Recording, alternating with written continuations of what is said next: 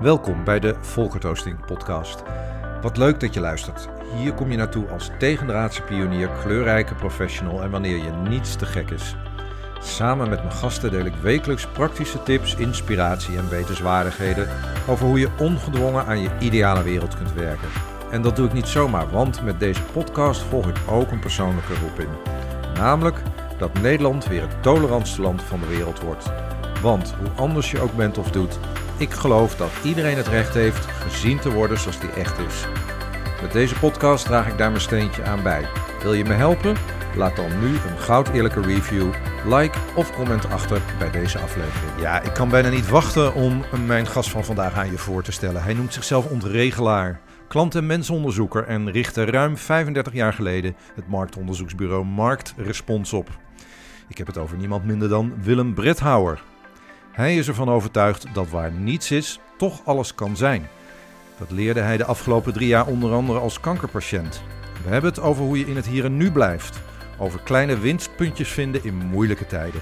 En hoe je in zo'n vol stop van het leven toch weer kunt opveren. Willem neemt ons mee in hoe je dat doet en wat hem dat bracht. Zo liep hij de Nijmeegse Vierdaagse al snel na zijn medische diagnose. En weet hij intussen hoe je weerbaar, wendbaar en waardevol in het leven kunt staan. Ook al loopt alles ineens totaal anders. Het wordt een super inspirerend gesprek en ik wens jou ook veel luisterplezier in dit gesprek met Willem Bredhouwer. Hey Willem, leuk je te spreken. Wederzijds. Via deze videobelverbinding in deze tijd.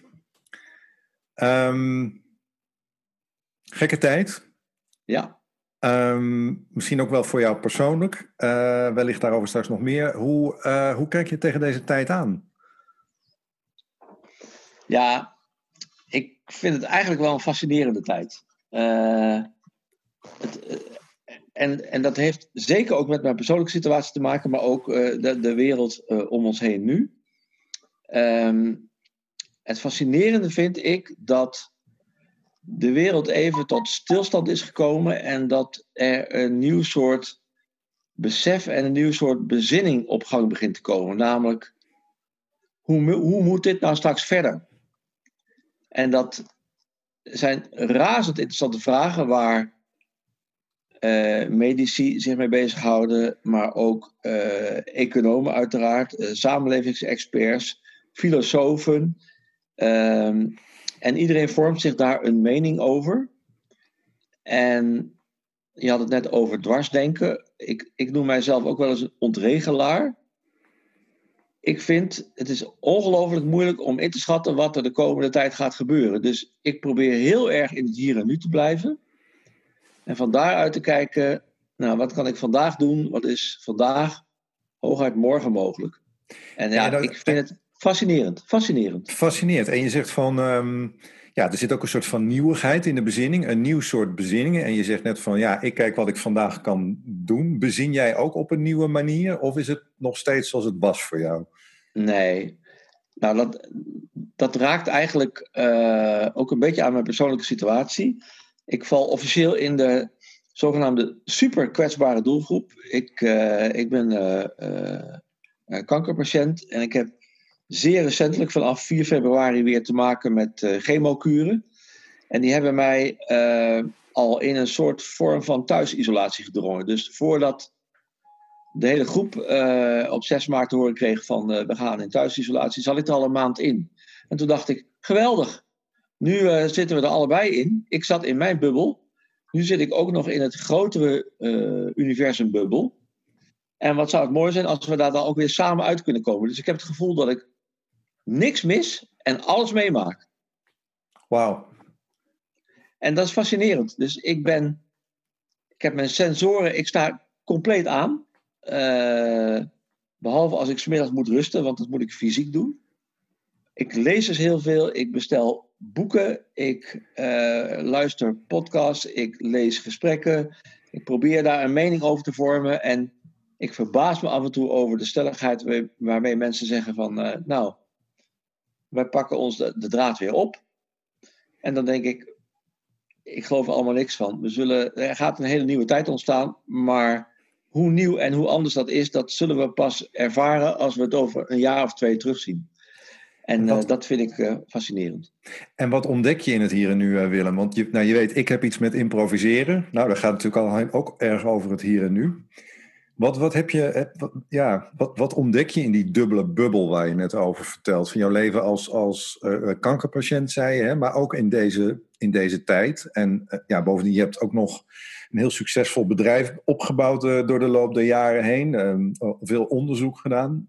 Wat is je grootste ja, vondst, zou ik bijna willen zeggen, in wat je nu in het moment en het hier en nu meemaakt? Nou, de, de, de, de vondst is dat je moet weten dat ons bedrijf Marktrespons op 1 februari jongsleden 35 jaar bestond. En dat dat ook de dag was dat ik zei: ik ga even op afstand, want ik ga mijn bedrijf niet vermoeien met mijn chemoperiode en mijn ziekte. Dus wat ik toen wilde is uh, virtueel kunnen communiceren met onze uh, medewerkers. Wat ik sinds 6 maart doe is, ik spreek iedere dag met drie van mijn collega's. Ook de mensen die ik in het gebouw, normaal gesproken, als je elkaar tegenkwam naar het toilet, doe je een knikje geven. Uh, maar iedereen deed zijn werk, ik deed ook mijn werk. Ik ging mijn kamer weer in, zij gingen hun ruimte weer in. En nu maak ik letterlijk een half uur tijd in een wederzijds interview. Hoe gaat het met jou, hoe gaat het met mij? En ik spreek nu alle medewerkers. En dat is fascinerend. Ik zal je vertellen, hiervoor zat een gesprek met Dylan. En Dylan is afgelopen maandag als nieuwe medewerker bij ons begonnen. Dus die heeft nog niet eens het fysieke bedrijf meegemaakt. Nou, ik vind dat zo fascinerend. Uh, dat vanaf dat moment er allemaal nieuwe ideeën bij me opborrelen van wauw, wat is dit gaaf om via in dit geval Zoom of wij werken dan met Microsoft Teams mensen te spreken. Uh, vandaar het na te denken over hoe kan ik nieuwe interacties doen plaatsvinden. Uh, erachter te komen hoe de mensen in hun vel zitten.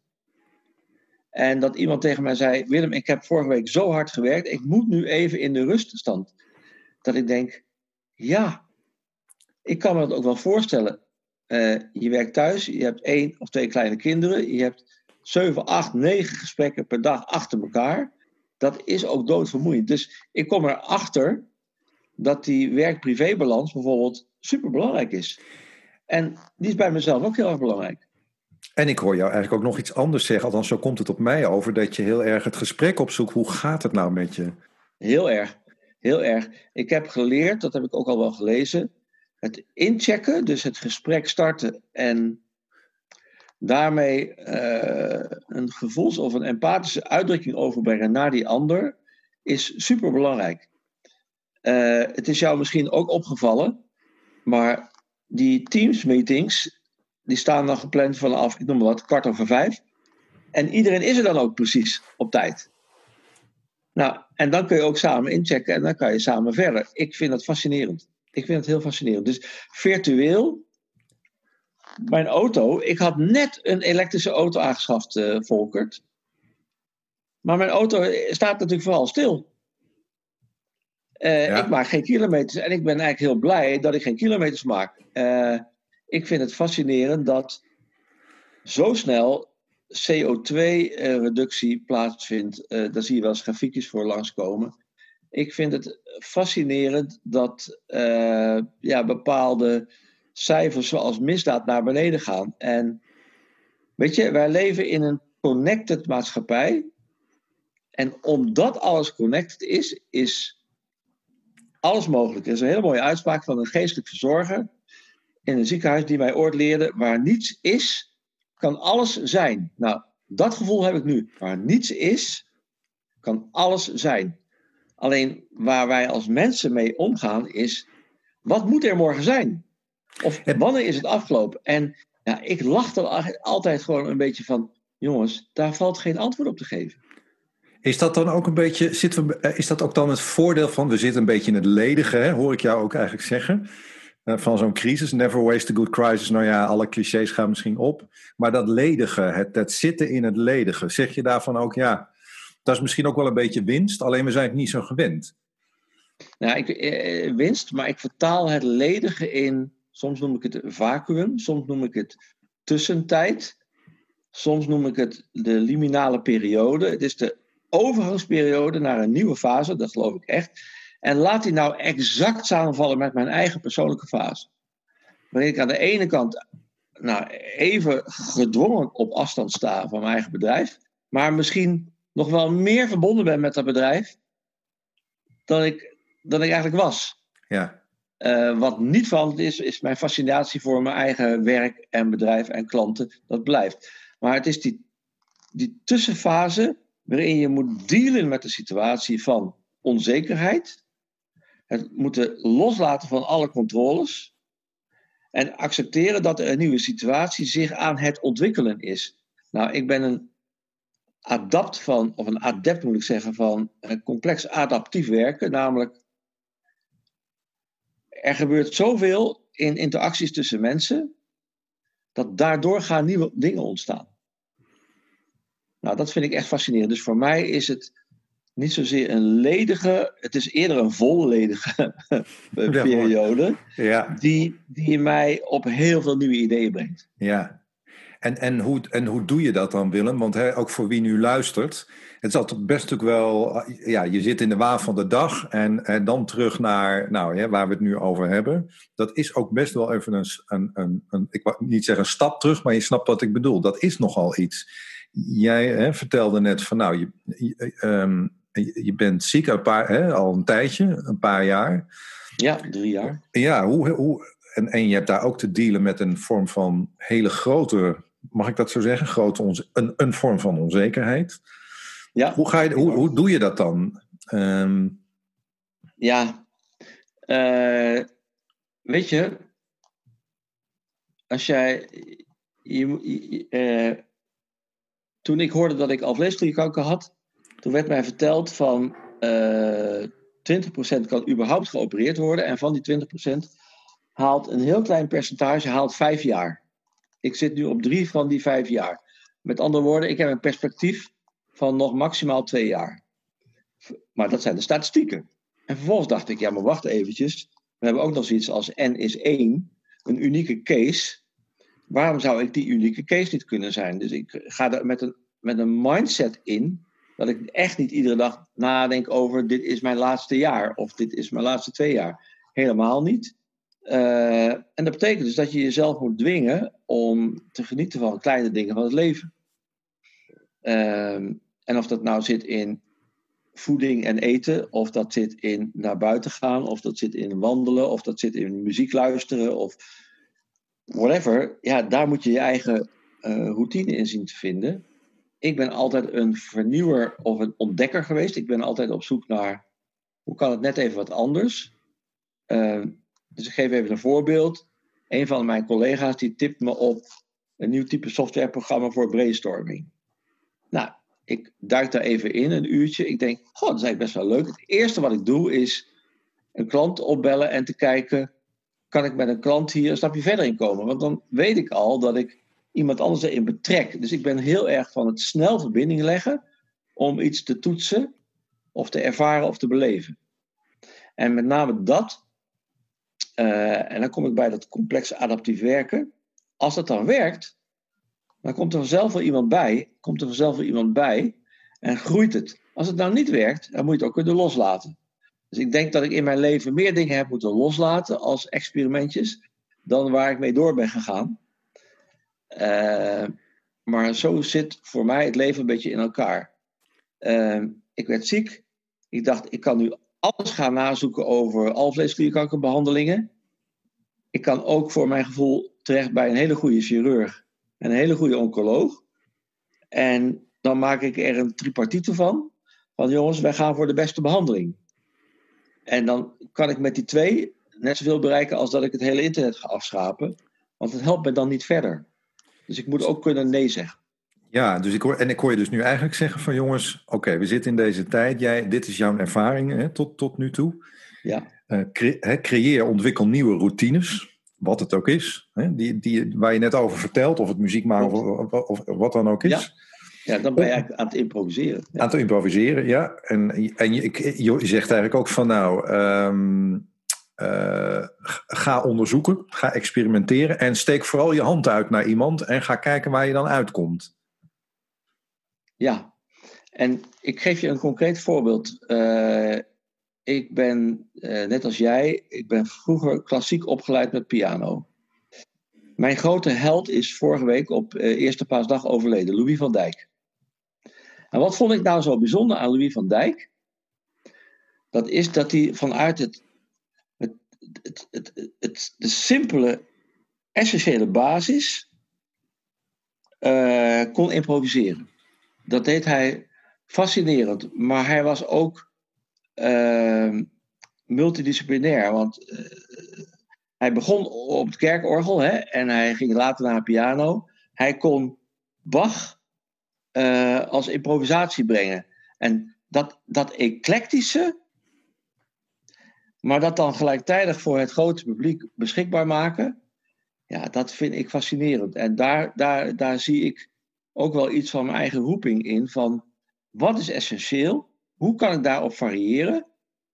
Je zou, er is een schitterende documentaire van hem gemaakt in Frankrijk, waarin hij met zijn bassist en een drummer en een uh, xylofonist bezig is uh, een concert voor te bereiden in Frankrijk voor lo locals.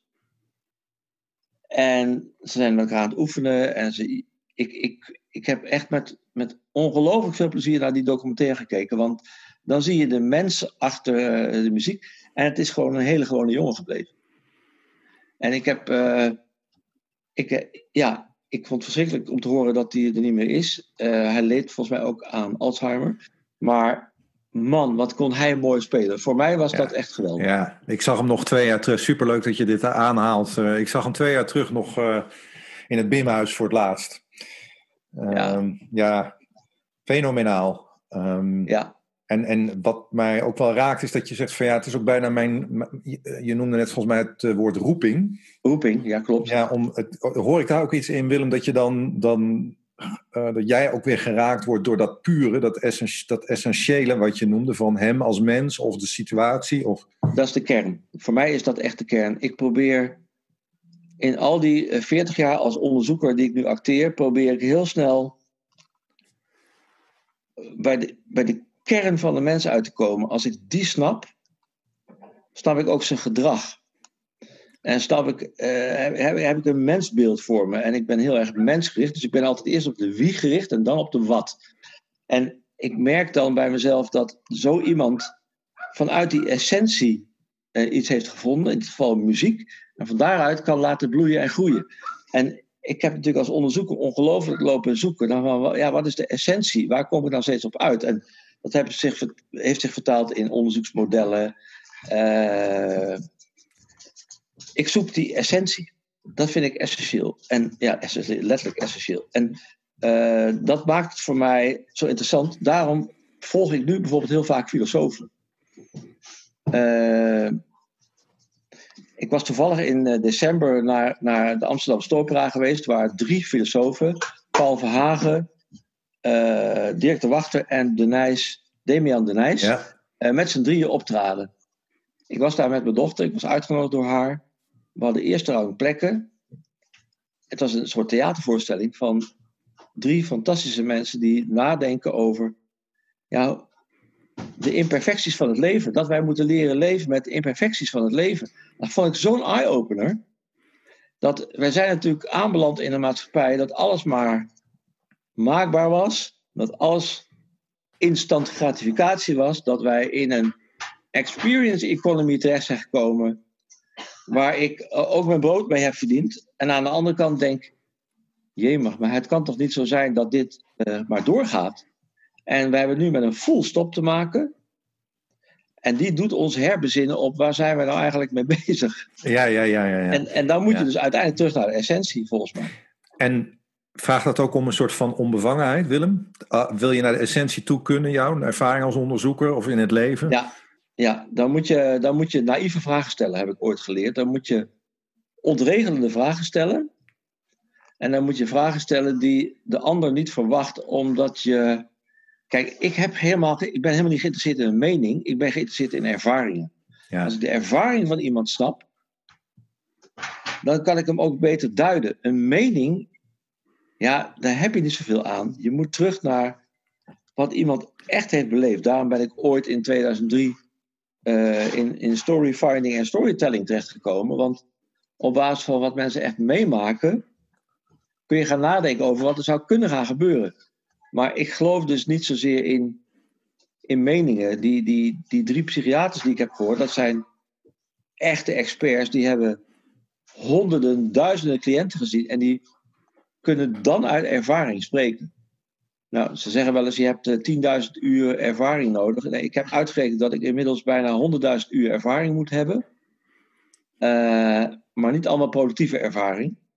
Dus ik heb geleerd, stel af en toe ook een onnozele of een naïeve vraag die uit een hele andere hoek komt.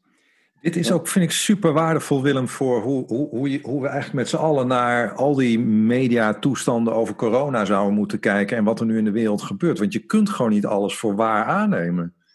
Onmogelijk. Het is onmogelijk. En uh, ik, daarom ben ik ook zo voor dat multidisciplinaire en uh, hebben best veel mensen tegen mij gezegd: ja, maar waarin ben je nou gespecialiseerd? Ik zou het niet weten.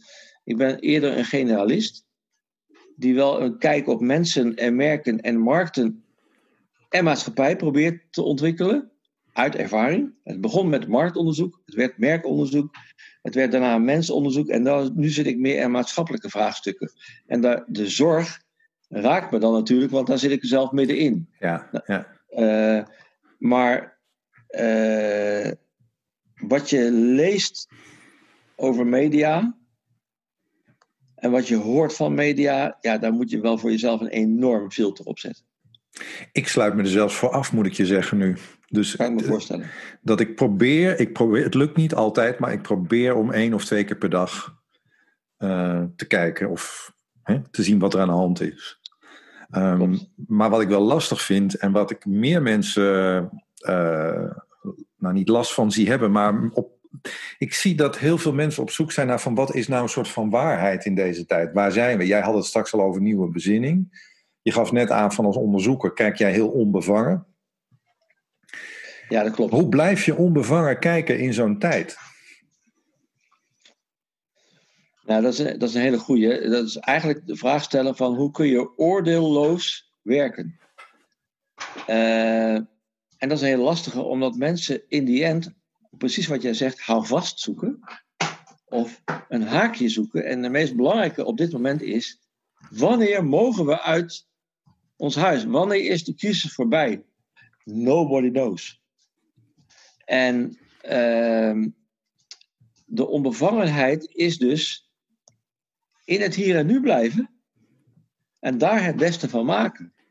Maar daar zit een woord maken in. Dan moet je wel iets willen creëren dan moet je niet niks doen. Dus je moet wel initiatief houden. Nou, ik heb daar voor mezelf een, concept op uh, bedacht. En die, dat, dat acteert op drie pijlers. De eerste pijler is, en die wordt, is nu super belangrijk geworden, is weerbaarheid. Engelse woord is resilience. Uh, het is een beetje een stokpaardje van mij, maar ik heb het twee, drie jaar geleden opgepikt, dat begrip. En ik denk, maar wacht eventjes, dit is het woord dat wij als maatschappij nodig hebben. Wij moeten een soort weerbaarheid ontwikkelen tegen invloeden van buitenaf, inbraken op ons zijn.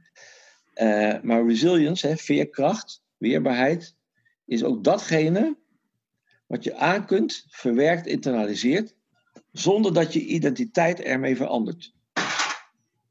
Nou, dat is, dat is de eerste. Tweede is, je zult een soort wendbaarheid moeten ontwikkelen, want die wendbaarheid, stilstand is soms even van belang, maar je moet verder.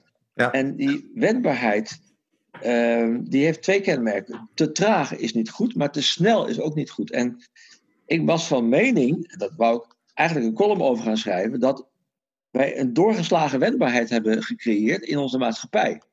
De, de, de wereld is agile, hè? agility ja, is, ja, is een toverwoord geworden in alle bedrijven. Maar wat krijg je daarmee? Een soort vervlakking.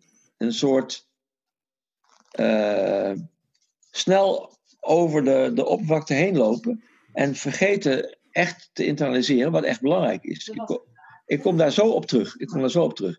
Het derde is, uh, hoe kan ik in tijden van, uh, in dit geval pandemie of vacuüm, toch van waarde zijn. Dus waardevol zijn, waardecreatie. Uh, dat heb ik geleerd toen ik in het ziekenhuis lag. Toen men mij vertelde van, uh, je moet op dag 1 na de operatie uit bed. Toen dacht ik, ja, dat is agile, dat is wendbaarheid. Waarom is het nodig?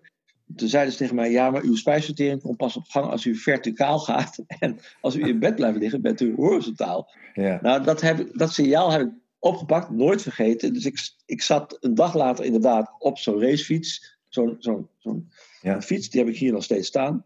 En uh, ik ben gaan bewegen. Maar ik lag ook in bed en denk: wat kan ik nou doen voor de gemeenschap om te laten zien hoe het met mij gaat?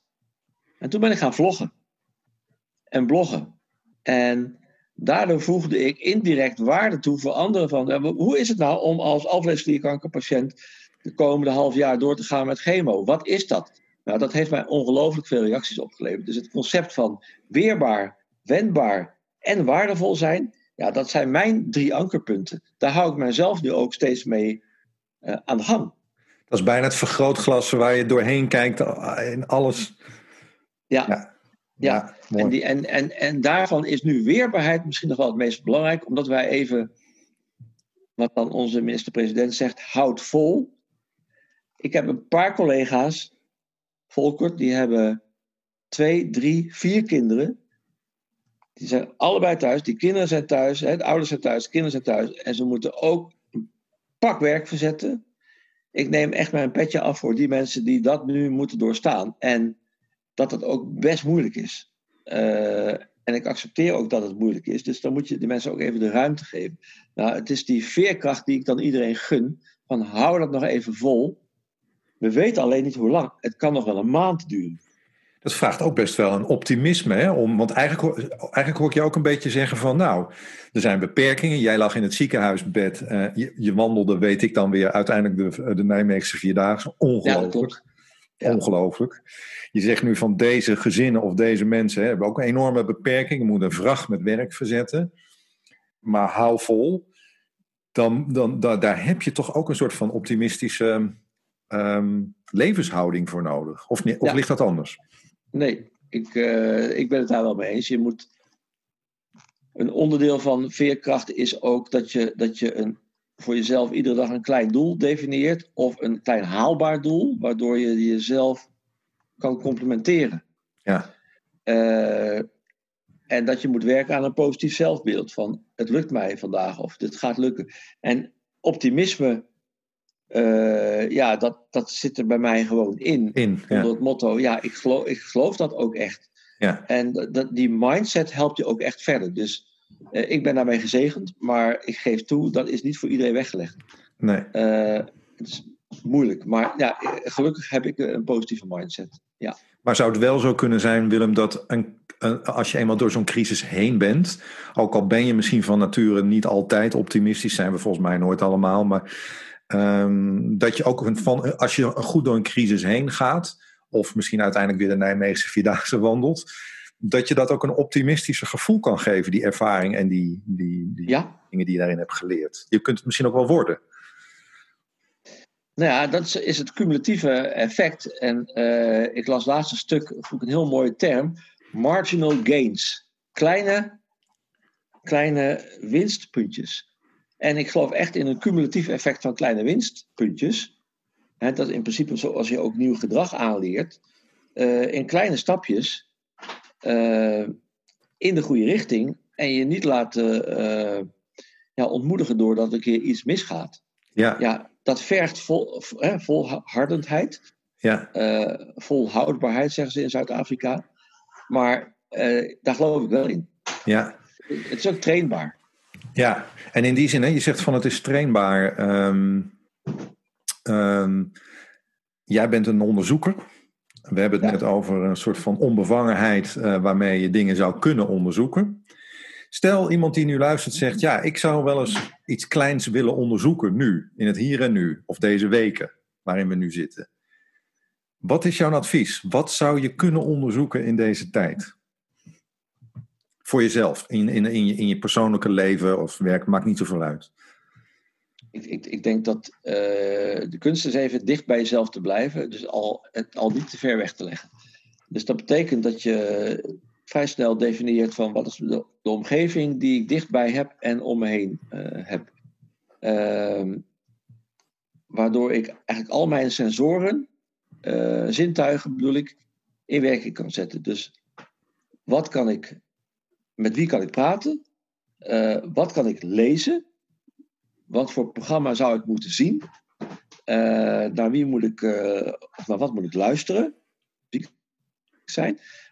dat zijn al hele kleine dingetjes om mee te starten. En dan moet je jezelf eigenlijk in een soort experimenteermodus brengen van oh, maar als ik dit nou eens probeer. Um, en zo heb ik echt net het gesprek hiervoor ging met de, die sollicitant die bij ons kwam. En die jongen is dus begonnen vijf dagen geleden op kantoor, virtueel.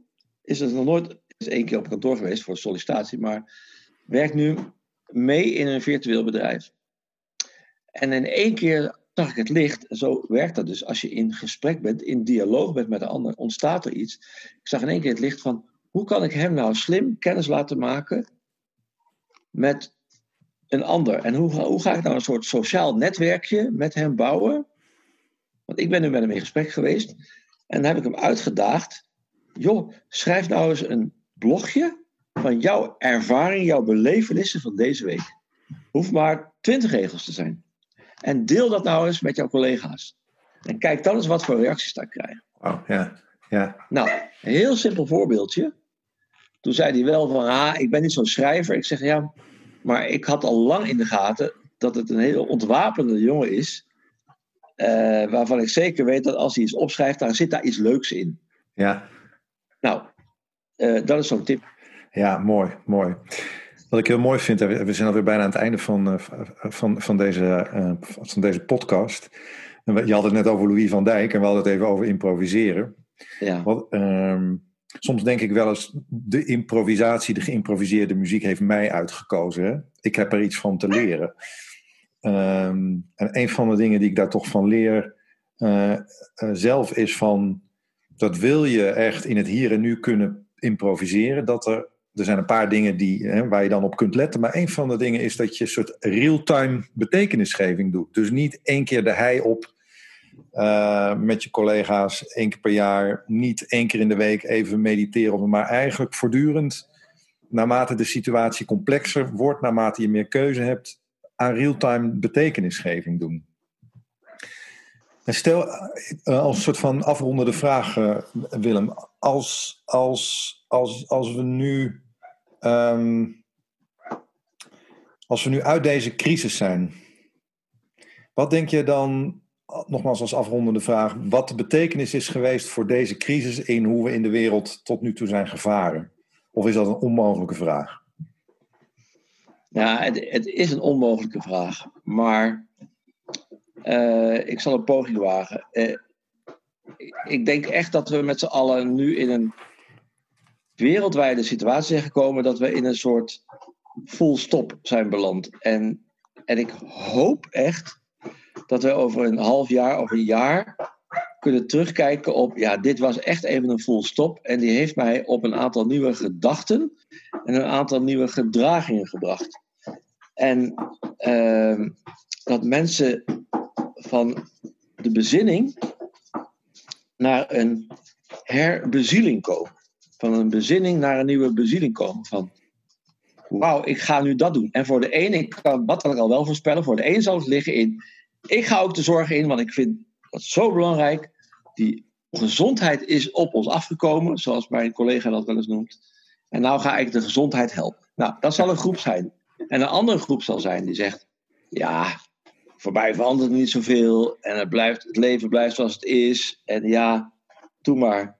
Uh, ik hoop dat, dat er bij 80% van de mensen, nou, 60% zal heel mooi zijn, 50% zal nog mooier zijn, van als er een herbezieling tot stand komt van, maar waar ben ik nou eigenlijk mee bezig? En als we dat op gang weten te brengen, dan komt er ook een beweging op gang. Dus in mijn column heb ik het gehad over bezinning, vanuit een besef. Dan moet er ergens een vonk ontstaan die leidt tot een nieuwe bezieling. En die bezieling zal leiden tot een nieuwe beweging. En of die beweging zit in duurzaamheid, of die beweging zit in de Europese Green Deal, of die beweging zit in minder autorijden, of die beweging zit in je op een andere manier verhouden op kantoor uh, tot je collega's, of meer gaat uh, teamviewen, of hoe noem je dat, uh, videobellen. Whatever, dat maakt niet uit. Maar ik hoop dat die drieslag, bezinning, bezieling, beweging, dat we die erin krijgen. En dan zul je merken, die dingen zijn met elkaar verbonden. Dus de een zal zeggen, nee, het begon met beweging en daardoor begon het met te bezinnen en daardoor begon het met te bezielen. Voor de ander begint het bij de bezieling. Maar dat maakt niet uit. Dat zijn zogenaamde verbonden concepten. Dat is wat ik hoop uh, dat er gaat gebeuren na de crisis. En er zullen er veel boeken worden geschreven. Veel podcasts uh, worden opgenomen. Ik vind het mooi dat jij dat in the moment uh, doet. Want als je mij over twee maanden zou vragen, zou ik misschien toch weer een aantal andere dingen. En het gekke is, dan zeggen sommige mensen: maar het is helemaal niet consistent met twee maanden geleden. Nee, maar consistentie is nou net een woord wat we even moeten parkeren. Mooi. Bezinning, bezieling en beweging, Willem. Die, die neem ik uh, mee. Dankjewel voor dit, uh, voor dit mooie, mooie gesprek. En nou, laten we dan over een paar maanden nog weer eens even terugkijken op dit gesprek en kijken wat dan de, de toestand in de wereld is en hoe consistent ons, nou ja, hoe consistent ons, ons pad is, zeg maar, wat dat betreft. Dankjewel. Nou, dat zou, dat zou sowieso mijn advies aan jou zijn. Ik denk dat dit een heel goed initiatief is. Maar met die regelmakers, die ontregelaars bedoel ik, die dwarsdenkers, juist over drie maanden of over twee maanden een keer terugkijken. Ik denk dat dat super waardevol is. Ga ik doen, beloof ik je. Tot je dienst. Ja, en ik ben natuurlijk super benieuwd wat je van deze aflevering vond. De tips, de dingen die we hebben besproken, of misschien zijn er wel dingen waarvan je zegt: hey, kun je daar de volgende keer eens aandacht aan besteden? Nou, natuurlijk uh, stuur me in dat geval een DM. Dat kan op Instagram, waar ik dagelijks ben te vinden, @volkertoasting. Op LinkedIn, maar ook op Facebook. En als je nou zegt, hey, deze aflevering is interessant voor iemand die je kent, ja, dan vind ik het natuurlijk te gek als je hem deelt. Want op die manier maken we met z'n allen van Nederland weer het tolerantste land van de wereld. En mocht je meer over mij willen weten, kijk dan even op www.volkertoasting.nl. Voor nu wens ik je een fijne dag en tot de volgende aflevering van de.